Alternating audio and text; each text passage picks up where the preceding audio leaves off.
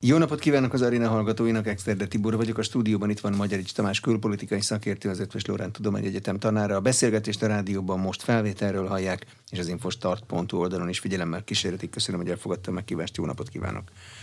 Az Észak-Írországi brit fennhatóság ellen és az Írsziget újra egyesítéséért küzdő katolikus Sinn párti lesz a legnagyobb létszámú frakció a belfasti parlamentben, ez volt május. Hetedikén, tíz nappal később a brit kormány azt mondja, hogy a következő hetekben törvénytervezetet terjeszt be az úgynevezett írországi protokoll módosítására.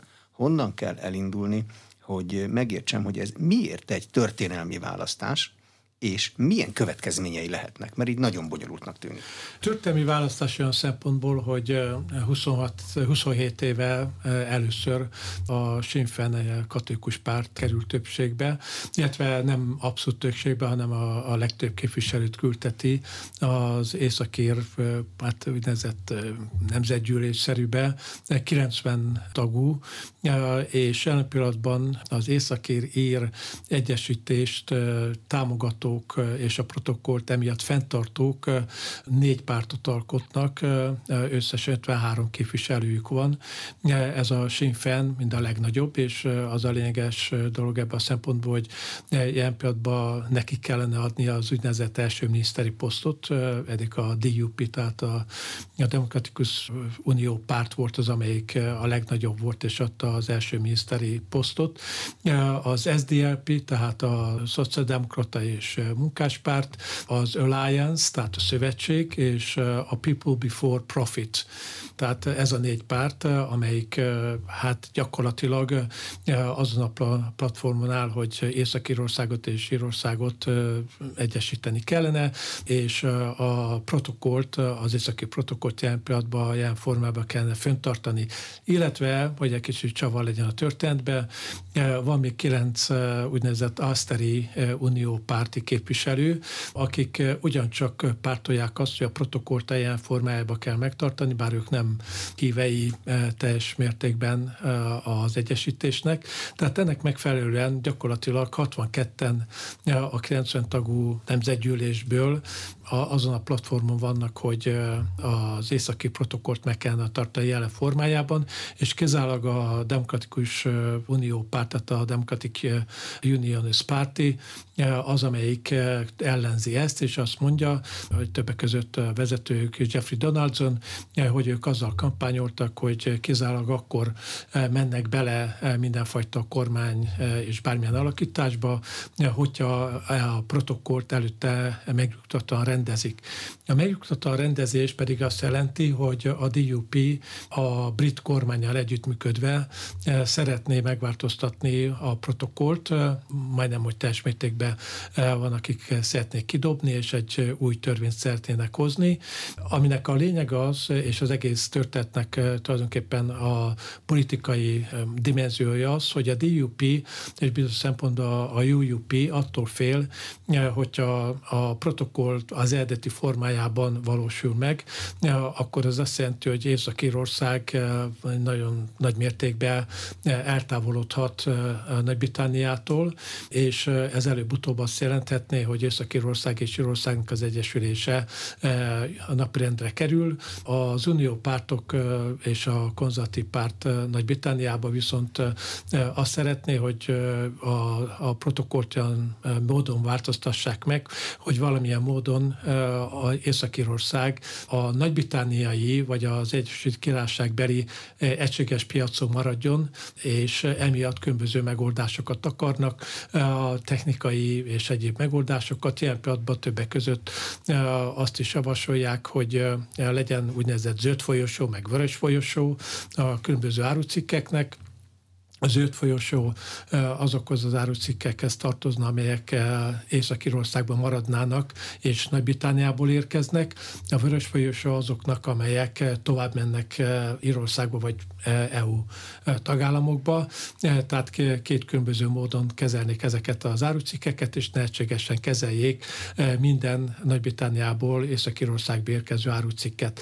Itt különböző kategóriák vannak, hogy a gyógyszerek és a fogyasztott textiláru, húsáru és minden egyéb, de gyakorlatilag ez van az egész vitának a hátterében, és ilyen pillanatban a DUP föntartja a politikai eh, folyamatot, illetve feltartja a politikai folyamatot eh, Észak-Írországban, hiszen megvoltak a választások, ahogy ön is mondta, eh, ezek után össze kellene ülni a nemzetgyűlésnek, de nem, nem tud összeülni, mert nem tudják megválasztani a tisztségviselőket, többek között a, a nemzetgyűlésnek az elnökét, mi a DUP azt mondja, hogy az ő kampány ígéretük az volt, hogy csak azután fognak bármilyen módon északír politikai folyamatban részt venni, hogyha rendezik a protokollnak a kérdését, és azt pedig eh, nem rendezték, tehát ennek megfelelően eh, ők nem vesznek részt, és enélkül nem tud összeülni eh, az északi nemzetgyűlés. Nem lett egyszerűbb a kép attól, amit most elmagyarázott, mert olyan fogalmakat használt, mint Nagy-Britannia, Egyesült Királyság, a kettő nyilvánvalóan nem ugyanaz, mert akkor nem két fogalom írná le.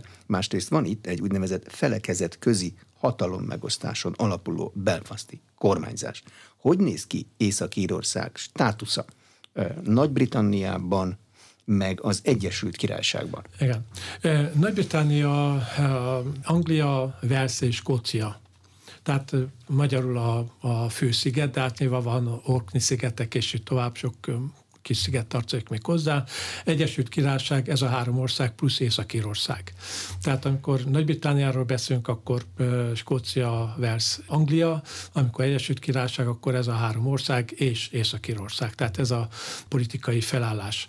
A Észak-Írországon belül történelmi okokból kicsit máshogy alakult a feleke, felekezet közé és etnikai összetétel, mint a, az ország déli részén tehát az ír köztársaság vagy Írországban, hogy röviden nevezik.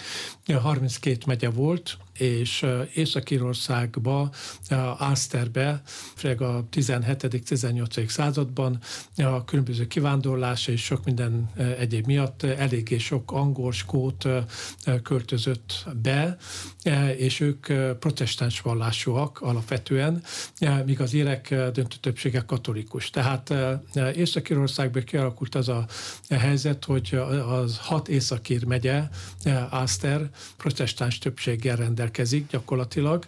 Jelen pillanatban hozzá kell tenni, mert a demográfia eh, ellenük dolgozik. Tehát a katolikus családokban magasabb a, a, a gyermekeknek a száma, mint a protestáns családokban, tehát eh, előbb-utóbb eh, senki nem tudja 10-20-30 x év múlva a katolikusok lesznek számba és többségbe Észak-Írországban, és a protestánsok azért is ragaszkodnak az Unióhoz, mert úgy gondolják, hogyha egyesülne Észak-Írország és Írország, akkor ők olyan kisebbségbe kerülnének, hogy az érdekeik nagymértékben sérülnének.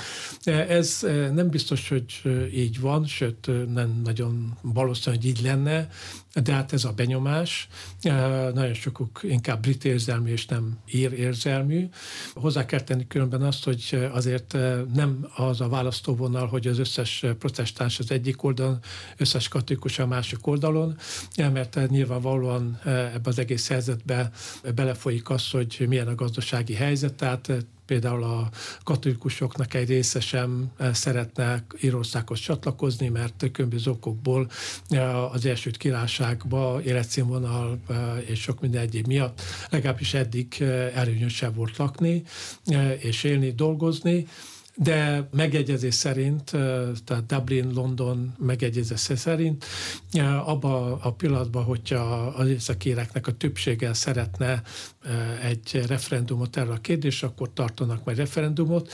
Eddig azért nem nagyon forszírozza ezt a dolgot a katolikus közösség, mert elvesztenék ezt a, a választást, tehát valószínű, hogy kivárnak addig, amíg úgy gondolják, hogy nyerő pozíció vagy jó eséllyel pályázhatnak arra, vagy indulhatnak azért a népszavazáson, hogy az északír egyesülés megtörténjen. Mi történne, mi a folyamata az északír ír egyesülés levezénylésének? Népszavazás? Azt valamilyen parlamentnek el kell fogadnia? Abban van többsége egy érvényes és eredményes népszavazás elfogadásának, vagy ez egy politikai kérdés? Ez egy politikai kérdés, tehát abban az esetben, hogyha a népszavazás megtörténne, és ott az Egyesülés hívei lennének többségbe, akkor hát nyilvánvalóan, mivel ez egy egész Egyesült Királyságot érintő kérdés, akkor a londoni parlamentnek kellene a végső szót kimondani.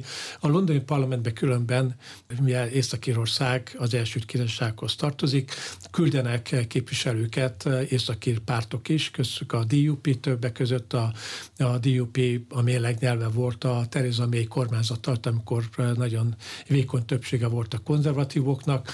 Ugyanúgy Sinn Féin képviselőket is megválasztották, soha nem foglalják el a helyüket a, a brit parlamentbe, de mindig választanak a brit parlamentbe Sinn Féin képviselőket is. De azért de, nem foglalják el, mert azt gondolják, hogy neki külön politikai útjuk van? Nem, ők, ők nem ismerik el legálisnak az Egyesült Királyságnak a parlamentjét, és nem ismerik el legálisnak azt, hogy a londoni parlament döntsön ilyen kérdésekbe.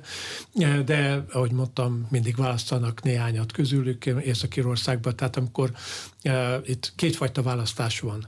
Egyrészt van az Egyesült Királyság egészére vonatkozó választás, amelyet legutóbb a konzervatívok nyertek meg elég jelentős különbséggel, és ott többek között hát nyilván a, a munkáspárt lett a második, a liberális demokraták harmadik, utána a Skót Nemzeti Párt, a Verszi, a Vers Kimru, azt hiszem egy vagy két képviselő, és Észak-Írországból is néhány képviselő bekerült a brit parlamentbe, illetve az Egyesült Királyság parlamentjébe, és utána pedig a devolúció miatt, tehát a hatalom megosztás miatt vannak külön választások csak Skóciába, csak Észak-Írországban és csak Velszbe.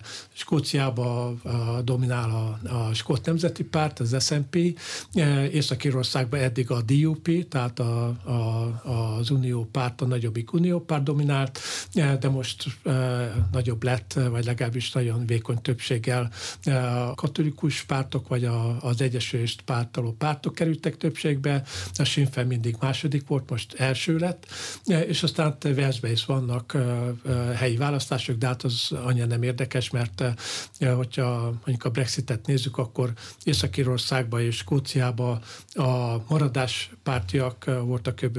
kétharmad, egyharmad arányba, többségben Anglia, Velszben viszont a, a távozás pártak, tehát a brexitesek voltak többségben, tehát Wales általában nem nagyon szokott ebbe az egész folyamatba komolyan részt venni, ami érdekes Észak-Írország és Skócia, és Skót függetlenségi törekvések legalább olyan erősek, mint az északír ír egyesülési törekvések. Mindjárt erről is szeretném kérdezni, de mi történt? Miért fordult a mindig második Sinn Féin első helyre? Azt mondják, hogy a, lesz, ők lesznek a legnagyobb frakció, eddig mindig a másodikok voltak.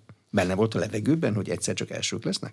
Vagy történt ah, valami? Igen. Ahogy mondtam, két-három dolog miatt, hát utólag azt lehet mondani, hogy a Sinn Fénnek a többsége lát elvileg logikus. Az egyik dolog az, hogy ahogy mondtam, a katolikus a lakosságnak a száma az nő. Hm, többen lettek szavazókorúak. Igen, és... és nem mindegy, hogy hol, mert ugye megvannak a választási körzetek, tehát hogyha egy úgynevezett billegő körzetbe nő meg a katolikus lakosságnak a száma, és azt elviszik, az számít, viszont hogyha egy olyan helyen meg a nő meg a katolikus kisebbség száma, ahol a protestánsok nagyon nagy többségben vannak, a teljesen mindegy, hogy is 20-30 százalékot kapnak, tehát hogy ilyen helyeken nőtt meg. A második dolog az, hogy a Brexit nagyon erősen megosztotta északi lakosságot is, és két unió párt, főleg a DUP nagyon erősen ragaszkodik ahhoz, hogy az Egyesült Királysággal emelkedjen és süllyedjen, úgymond.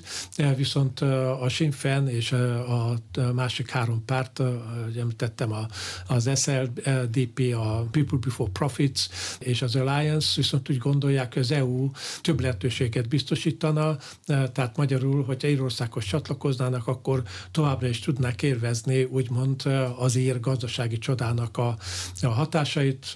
Az EU sokkal nagyobb piac, sok minden eljön származik abból, főleg akkor, hogyha a britek és a az EU nem tud megegyezni, és adott esetben az Egyesült Királyságot harmadik országként kezelné e, az EU. E, ez azt jelenteni, hogy többek között az élelmiszerárakra 10%-os pluszvámot vetnének ki, e, a teipari termékekre 35%-os vámot vetnének ki, és hát nyilvánvaló ez jelentős piacvesztéssel járna Észak-Írországban is. Szóval sok minden tényező szólt mellett, hogy most ilyen pillanatban a, megfordult a helyzet. Hozzá kell tenném azért azt, hogy ez nem egy olyan drámai, drasztikus fordulat volt.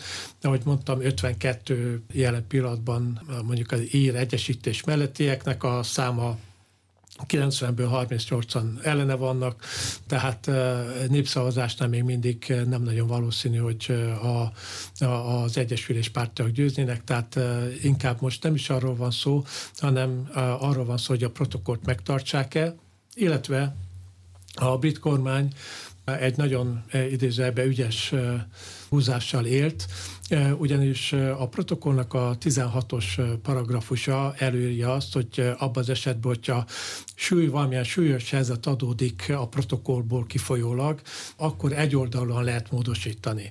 Most a britek, eh, Liz Truss eh, külügyminiszter, vagy Quasi Quartung, eh, mondjuk üzleti ügyekért fős miniszter, Boris Johnson miniszterelnök és még mások, azzal az ötlettel álltak elő, hogy hogyha a protokollt a jelenlegi formájában föntartják, az veszélyeztetni fogja a nagypénteki egyezményt, de a nagypénteki egyezmény sem nagypénteki egyezmény, hanem a Belfast egyezmény, attól függ, hogy most katolikus vagyok, vagy protestáns. Hogyha protestáns vagyok, akkor Belfast egyezmény, hogyha katolikus, akkor nagypénteki egyezmény, de ez ugyanaz, tehát hogy veszélyezteti ezt, már pedig az egy politikai kérdés, azt teremti meg Észak-Írországban a békét, tehát a, a brit kormány ilyen pillanatban azzal az érvel ér, hogyha a protokoll felmad jelenlegi formájában, akkor a 16. paragrafus szerint jogában állna Nagy-Britániának egyoldalúan módosítani, mert a jelenlegi protokoll az veszélyeztetné a, a nagypénteki folyamatot, illetve az egyezményt. A nagypénteki egyezmény az az, ami lezárta az úgynevezett bajok időszakát, amikor fegyveres harcok voltak az utcákon. Igen, illetve egy, egy kitérő a, a bajok időszaka még olyan szempontból nem zárult le, hogy vita folyik arról, hogy az abban részvevőket mennyire vonják felelősségre, vagy nem. Főleg a katolikusokat sérelmezik, hogy az Unió oldalán, vagy nem csak ott, de mondjuk a brit katonaság által elkövetett atrocitások nem el volt ilyen is. Részvevő brit katonákat nem nagyon vonták eddig felelősségre, és, és most egy olyan törvényjavaslatot kíván benyújtani a brit kormány, Brenton Lewis, az északi ügyekért felelős miniszter, amely megnyitna az utat a felelősségvonásra, de szűkítve, tehát lennének kivételek, tehát az északír katolikusok ezt is sérelmezik, és hát természetesen az északír ír egyezmény, illetve ez a nagypéntek egyezménynek vannak különböző dimenziói. Van egy úgynevezett észak-déli dimenzió, Észak-Írország, Írország, van egy kelet-nyugati dimenzió, London, Dublin, és gyakorlatilag ez a három entitás kellene, hogy együtt döntsön különböző ügyekről. A lényeg az ilyen pillanatban, hogy a határok nyitva maradjanak, és a protokoll sokak szerint ezt nem biztosítaná, mert hogyha az északír eh, hat megyébe akadálytalanul áramlana be Nagy-Britániába árucik, és nem lenne semmifajta vámhatár Észak-Írország és Írország között, akkor Nagy-Británia gyakorlatilag a hátsajton keresztül eh, tudna az EU-ba exportálni, és eh, gyakorlatilag ott tartanánk, ahol kezdetben voltunk a Brexit előtt. Említett két politikai logikát, a britekkel való együtt emelkedés, együtt süllyedés logikáját, meg az Európai Unióhoz, mint nagy, piahoz, nagy piachoz való tartozás logikáját. Mi mozgatja ezeket a logikákat? A brit világbirodalom már nincs. Akkor ugye érthető, hogy miért akar valaki oda tartozni. Az Európai Unió se egyik sikerből a másikba emelkedik. Nem, és főleg hát most az egész helyzet ráépül az orosz-ukrán háborúra. Tehát az Európai Unióban az ügyel foglalkozók többek között Maros Sefcsovics az, aki elsőbben foglalkozik ezzel az ügyel, mint a, ezért a kérdését felős biztos. Úgy gondolják, a britek nem jó politikai értelemben véve nem jó időben vetik fel ezt az egész kérdést, vagy élezik ki ezt az egész kérdést, mert eleve a különböző hát élelmiszer és egyéb árak Európában is emelkednek. Tehát, hogyha most egyfajta vámháború tört neki az Egyesült Királyság és, és az EU között, az még jobban nehezíteni a helyzetet. Az EU ilyen pillanatban hát azzal fenyegetőzik úgymond, hogy abban az esetben, hogyha a britek egy oldalon akarják módosítani a protokollt, akkor különböző intézkedéseket vezetnek be. Ezek között felvetették többek között azt, hogy hogy a brit halászati jogokat korlátozzák az EU vizein, vagy, vagy abszolút leállítják mondjuk a skót lazac importot, Skóciának ez rendkívül fontos, kb. 372 millió font értékbe importál az EU Skóciából lazacot. Ezen kívül úgynevezett célzott büntetés lenne, vagy jelentészkedés, mert tudják, hogy a, a skótoknak a EU pártisága az elég erős, tehát hogyha a több ezer munkavállalónak a, a létét biztosít, vagy veszélyeztetnék, akkor még jobban megerősödne az a skót függetlenségi mozgalom, ami most is elég erős.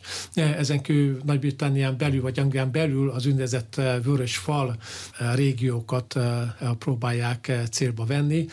Ezek azok a területek, főleg az Midlands és észak-kelet, észak-nyugat-Angliába, amely választókörzetek korábban munkáspártiak voltak, de most inkább konzervatívok, sőt Brexit ellenesek voltak. Tehát, hogy az ottani iparágakat érintse ez a, az EU ellenintézkedés. Tanulják meg, hogy mi hány méter? Tehát nézzék meg, hogy, EU, hogy uniós tagság nélkül milyen rossz az élet. Igen, igen, igen. Szóval és ezen kívül még hozzátenném azt, hogy az EU is érzi azért, hogy bizonyos mértékben kompromisszumra kellene tör, törekedni. Októberben kölevelet küldtek az EU tagországoknak egyfajta ilyen alapvonalakat, vagy, vagy olyan kérdéseket vetettek fel, amiben az EU hajlandó lenne adott esetben kompromisszumra. Többek között az egyik legfontosabb kérdés ebbe az egész protokoll kérdésben, hogy a vámhatár ilyen pillanatban hivatalosan Észak-Írország és Nagy-Britannia között van. Gyakorlatilag az északi kikötőkbe foglalkoznak a vámokkal.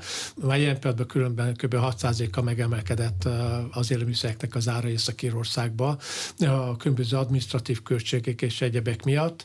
Az EU hajlandó lenne ezeket csökkenteni, a papírmunkát 50%-kal, az különböző eljárásokat, elnőzéseket 80 kal és így tovább, tehát hogy könnyebb legyen az export, és hát ennek megfelelően az árak alacsonyabbak legyenek Észak-Írországban.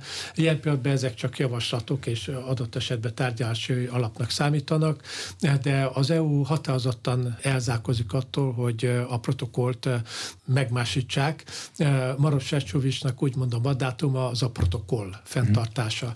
Tehát ilyen pillanatban az egyik fél ott tart, hogy szerint egy oldal lehet politikai indokokból módosítani a, a protokollt, másik fél azt mondja, hogy nem lehet módosítani a protokollt, mert ez egyszerűen kőbe van vésve.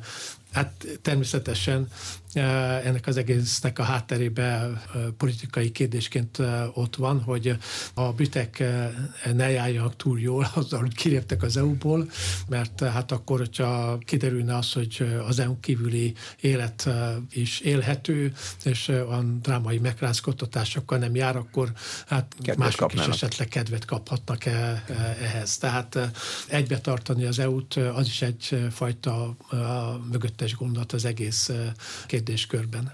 A skót függetlenedési törekvések azok mennyire befolyásoltak az északi helyzettől? Együtt mozognak?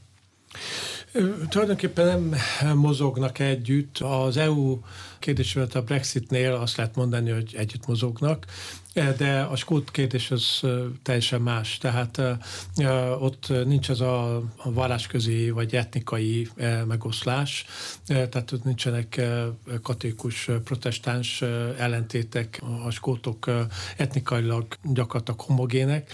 Inkább arról van szó, hogy Skóciában a nemzeti mozgalom hagyományosan erős, sokfajta történelmi és egyéb szempontból, amit tehát nyilvánvalóan most nem nagyon lehet végigvenni visszatérve, vagy visszamenve a 13. századig, a Bannockburni csatáig és sok minden egyéb, egyébért. A lényeg az, hogy először egy personálunió volt, hatodik Jakab, ez Skót, vagy első Jakab angol király, aztán utána 1707-ben megtörtént az Egyesülés, Act of Union, és gyakorlatilag Skóciában három területet hagytak függetlennek, az oktatási rendszert, a jogrendszert és a vallást. Aztán a, a 20-as év, 1920-as évektől kezdődően a, a Skót Nemzeti Párt megerősödött, a Scottish National Part, párti, és, és aztán a Skót Nemzeti Párt sok minden okból kifolyólag már ki tudta küzdeni azt, hogy népszavazást tartsanak. Először az 1970-es években elbukták, utána 2014-ben ugyancsak elbukták 55-45 arányban az utóbbit, és most ilyen pillanatban arra hivatkozva, hogy ott az embereknek a többsége az EU mellett tette le a voksát, többek között emiatt szeretnének egy újabb népszavazást, a felmérések szerint talán most győznének, de az igazság az, hogy ez nagyon csinyán kell bánni, ugyanis egy skót kiválás az egy rendkívül bonyolult dolog lenne nem csak a skótok, hanem az angolok és az EU szempontjából is.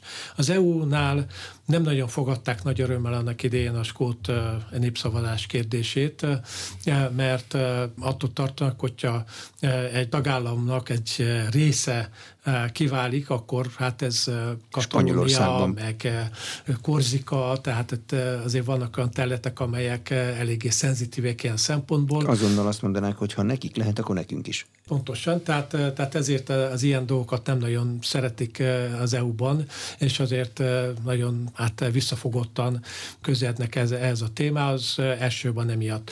Annak idején José Manuel Barroso figyelmeztetés a skótokat, hogy tehát nem arról van szó, hogy ők rögtön EU tagok lesznek, el, majd a sor végére kell állniuk és letárgyalni a 32 fejezetet, ami hát évekbe telhet, és évekig egy ilyen senki földjén lenni, az azért nem egy vonzó dolog, a skótoknak sem. Tehát ez egyik dolog. A másik dolog, hogy nagyon sok organikus szálat kellene szétvágni. Tehát a valutától kezdve a nyugdíjakig és minden egyebet szét kellene vágni egy skót függetlenség esetén.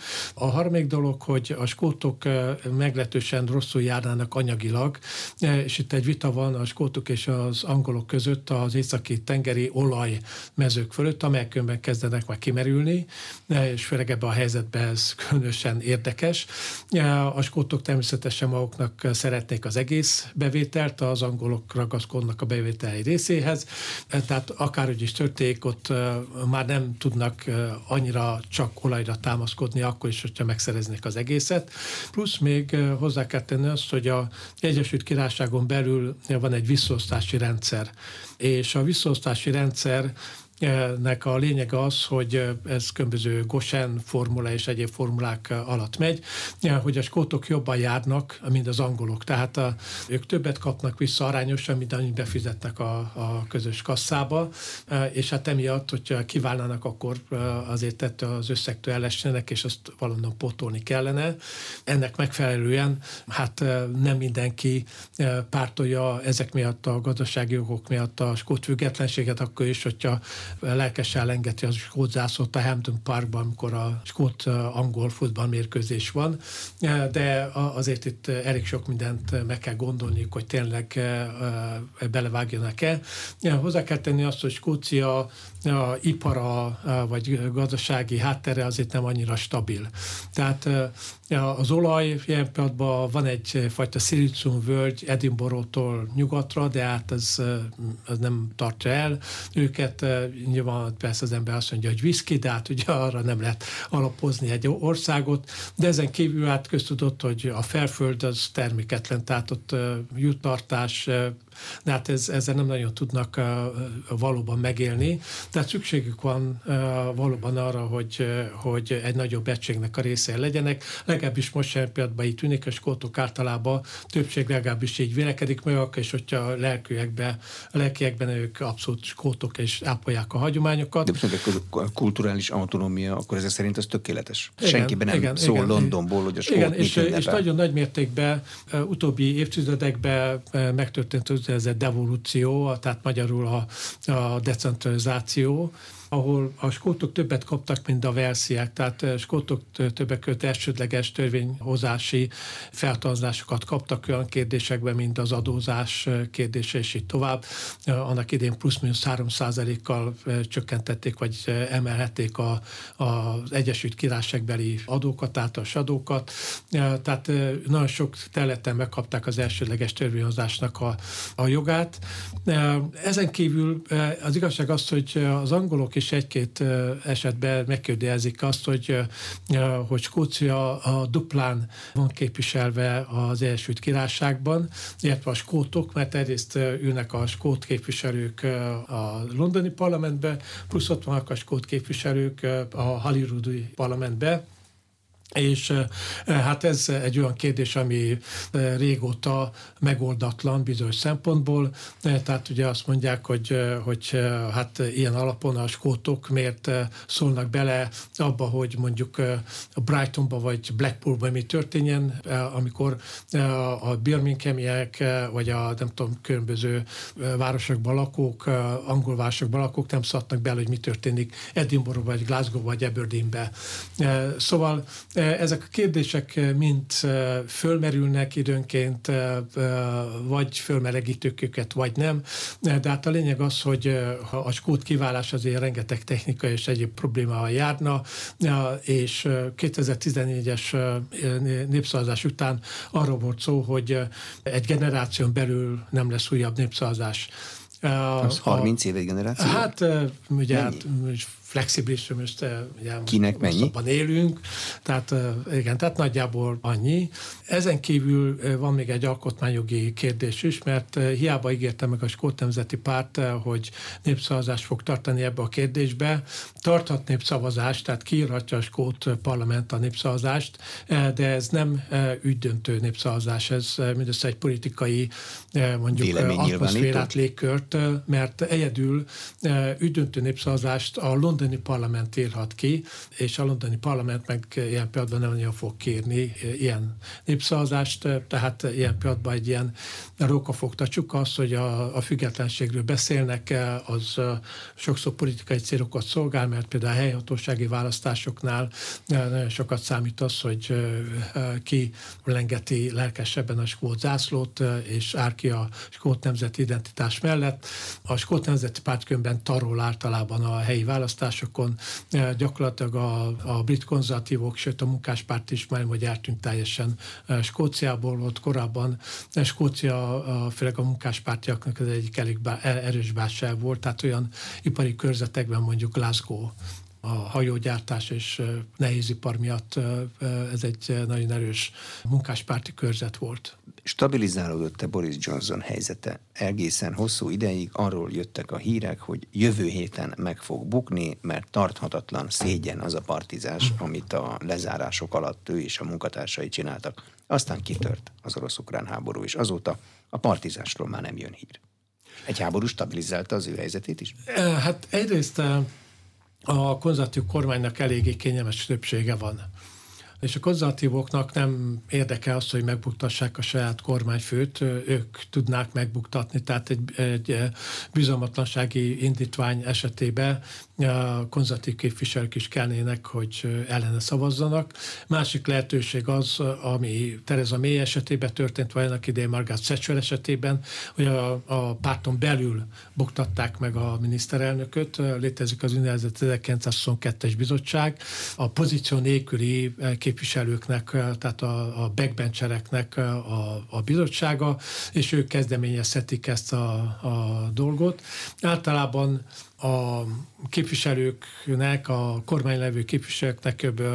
egyharmada, száz körül kormánytag valamilyen szinten, tehát vagy kabinetminiszter, vagy miniszterhelyettes államtitkár, parlamenti titkár, és így tovább. A többiek az úgynevezett backbencherek, tehát akiknek nincsen pozíciója. Tehát ők általában többséget képviselik a párton belül, ők párton belül buktathatnak adott esetben, de nem valószínű, hogy erre sor kerülne, mert nem érdekük az, hogy előrehozott választások legyek, mert Boris Johnson kívül most nem nagyon tudnak felmutatni senki olyan politikust, aki biztos akadna, aki vállalná ezt a dolgot, de nem a jelölés, de tulajdonképpen Boris Johnson népszerű nagyon sok embernél, és egyfajta teflon miniszterelnök. Régen kapcsolatban volt a kifejezés teflon prezident, teflon elnök. Lepereg minden Igen, róla. lepereg róla sok minden, tehát leperget róla ez a pártigét is, hogy eh, a Street 10-be eh, partikat tartottak a Covid alatt, és hát ő vagy tudott róla, vagy nem tudott róla, de ugyanúgy megúszta ezt a Rishi Sunak, a, a pénzügyminiszter, ő is egy ilyen partin részt vett, tehát ezeket most megúszták, annak ellenére, hogy rendőrségi vizsgálat is volt most először egy, egy hivatalban levő brit miniszterelnök ellen, de hát valami jelképes megrovás kapott mindössze.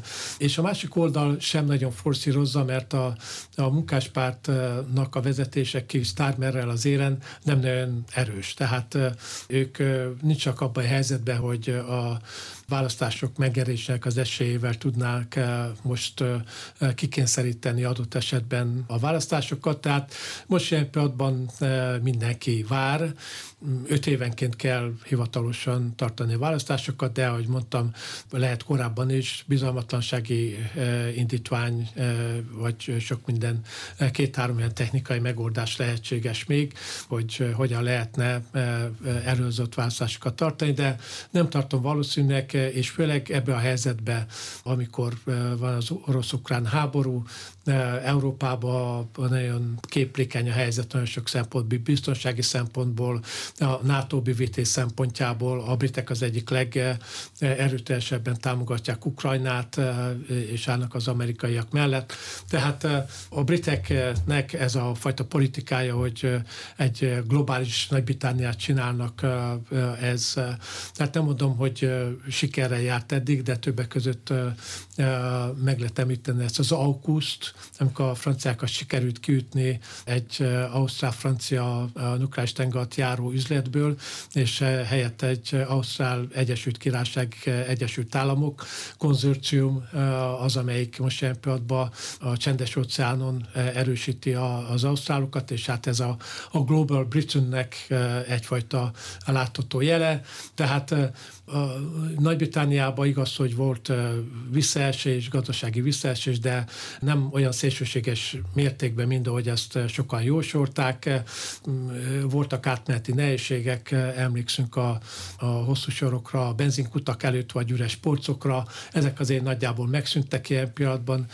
Tehát nyilvánvaló, hogy, hogy idő kell ahhoz, hogy átálljon a brit gazdaság egy olyan gazdasági helyzetre, amikor nem az EU tagja, hanem hát EU-hoz nagyon szorosan kötődik, többek között a protokoll, és ezért a protokollnak a újratárgyása, nem újratárgyása, e, mi valósul meg, mi nem valósul meg, illetve hát az egész e, globális gazdasági helyzet, hogyan alakul e, az olajválságtól kezdve, az olajhelyzettől kezdve az orosz-ukrán háborúig, csendes óceán térsége, a kínaiak különben egyfajta lábjegyzetként, bár most nem ez a kérdés, ugye a Salomon-szigeteken próbálnak pozíciókat szerezni nem messze Ausztráliától, nem messze aránylag, nem tudom, 800 ezer kilométer, de hát fontos stratégiai hely. Sőt, a Falkland-szigeteket is megint elővették. Igen, a... igen, hogy a egyességet kötöttek, hogyha belpolitikai válság vagy zavargások, akkor kínaiak úgymond segítenek önzetlenül a helyieknek helyreállítani a rendet, tehát ezt nyilván nyilvánvalóan az amerikaiak és a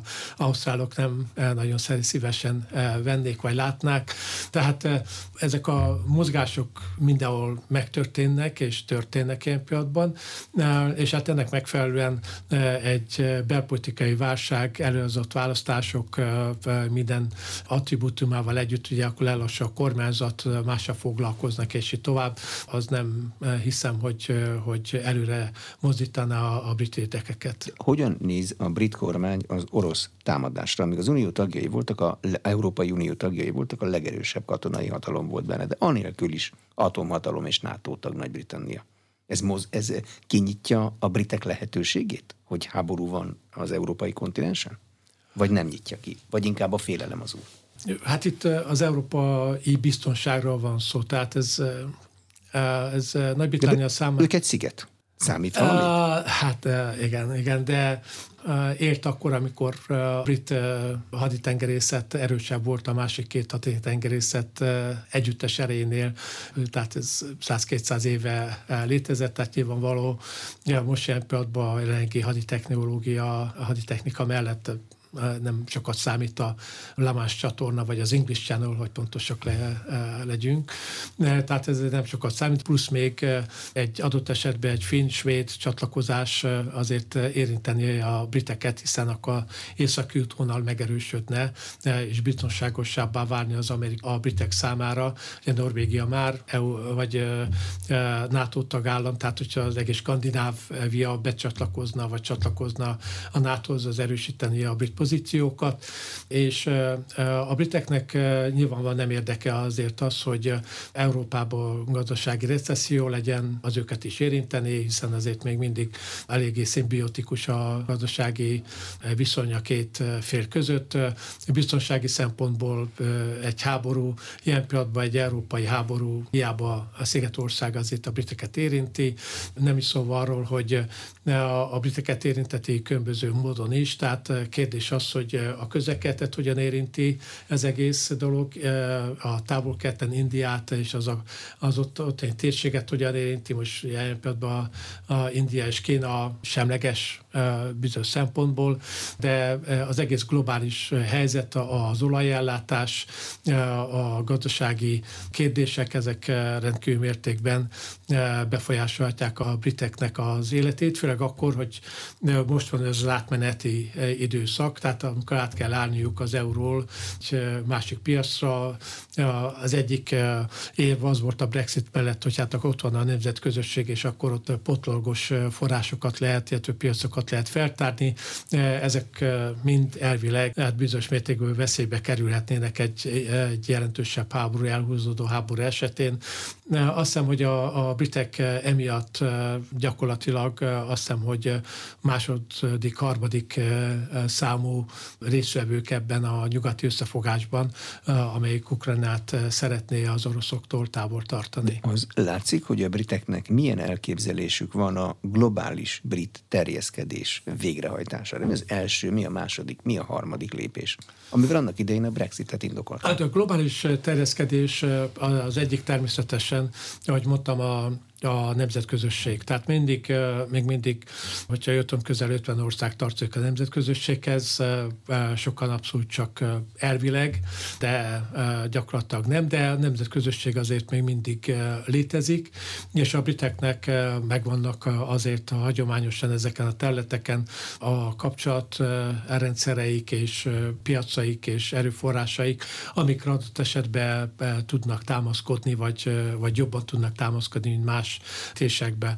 Másik ilyen terület az a csendes óceán, tehát nem véletlen, hogy a, ez az AUKUS, ez egy csendes óceáni vállalkozás, hát nem is tudom, egy tintatengert öntöttek már ki az utóbbi időben arról, hogy a világ gazdasági és akár politikai stratégiai súlypontját tevődik az Atlanti óceán, a csendes óceáni térségre.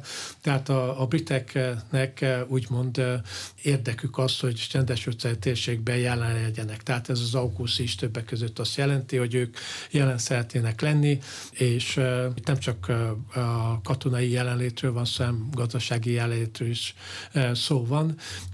Emiatt aztán az, az amerikaiakkal esetleg szorosabb együttműködnek, hiszen az, az amerikaiak, a emlékszünk még Barack Obamának a pivot to vagy a rebalance to tehát át mondjuk struktúrálni az amerikai erőforrásokat bizonyos mértékben a csendes térségbe. Ez elképzelhetően a, a briteknek is egyfajta prioritás, és hát természetesen ott van Afrika, tehát Afrikában hagyományosan a britek nagyon erős pozíciókkal rendelkeztek. Nyilvánvalóan most már nem arról van szó, hogy gyarmatok, de hát azért nagyon sok szállal kötődnek még mindig nemzetközösség és egyéb módon Afrika, és Afrika az egyik olyan terület, ahol a jövő esetleg épülhet. Rengeteg kiaknázatlan erőforrás, munkaerő és minden egyéb. Nem lehet tudni pontosan, hogy mik azok a lépések. Attól tartok, hogy, hogy a britek, illetve a konzervatívok és Boris Johnson személyesen sem nagyon tudná megmondani, illetve ilyen általánosságban beszélne, talán mint én beszéltem, de hogyha vannak is felvázó stratégiák, azok nem nyilvánosak, hogy pontosan milyen lépéseket akarnak. Jó hangzik, hogy Global Britain, és hát kiváltjuk azt, hogy csak egy ilyen regionális társulásnak vagyunk egy társult tagja, helyett tehát egy globális szerepet játszunk. Egyre nehezebb különben, mert nagy-Britannia hát Európán belül sem már első számú ország, a gazdasági erejét tekintve többek között azt hiszem, hogy Franciaország és Németország is megérzi, Németország biztosan, de Franciaország is valószínűen, és hát főleg akkor, hogyha ilyen belpolitikai bajaik vannak Észak-Írországban, Skóciában, akkor egy rendkívül aktív külpolitikával ezt nem nagyon lehet ellensúlyozni, illetve ezek blokkolják a nagyon aktív külpolitikát. Köszönöm szépen az elmúlt egy órában Magyarics Tamás külpolitikai szakértő, az Ötvös Lórán Tudományegyetem tanára volt az aréna vendégem műsor elkészítésében. Szécsi Ágnes szerkesztő kollégám vett részt, a főszerkesztő Módos Márton a beszélgetést a rádióban most felvételről hallották, és az infostart.hu oldalon is figyelemmel kísérhetik. Köszönöm a figyelmet, Exterde Tibor vagyok.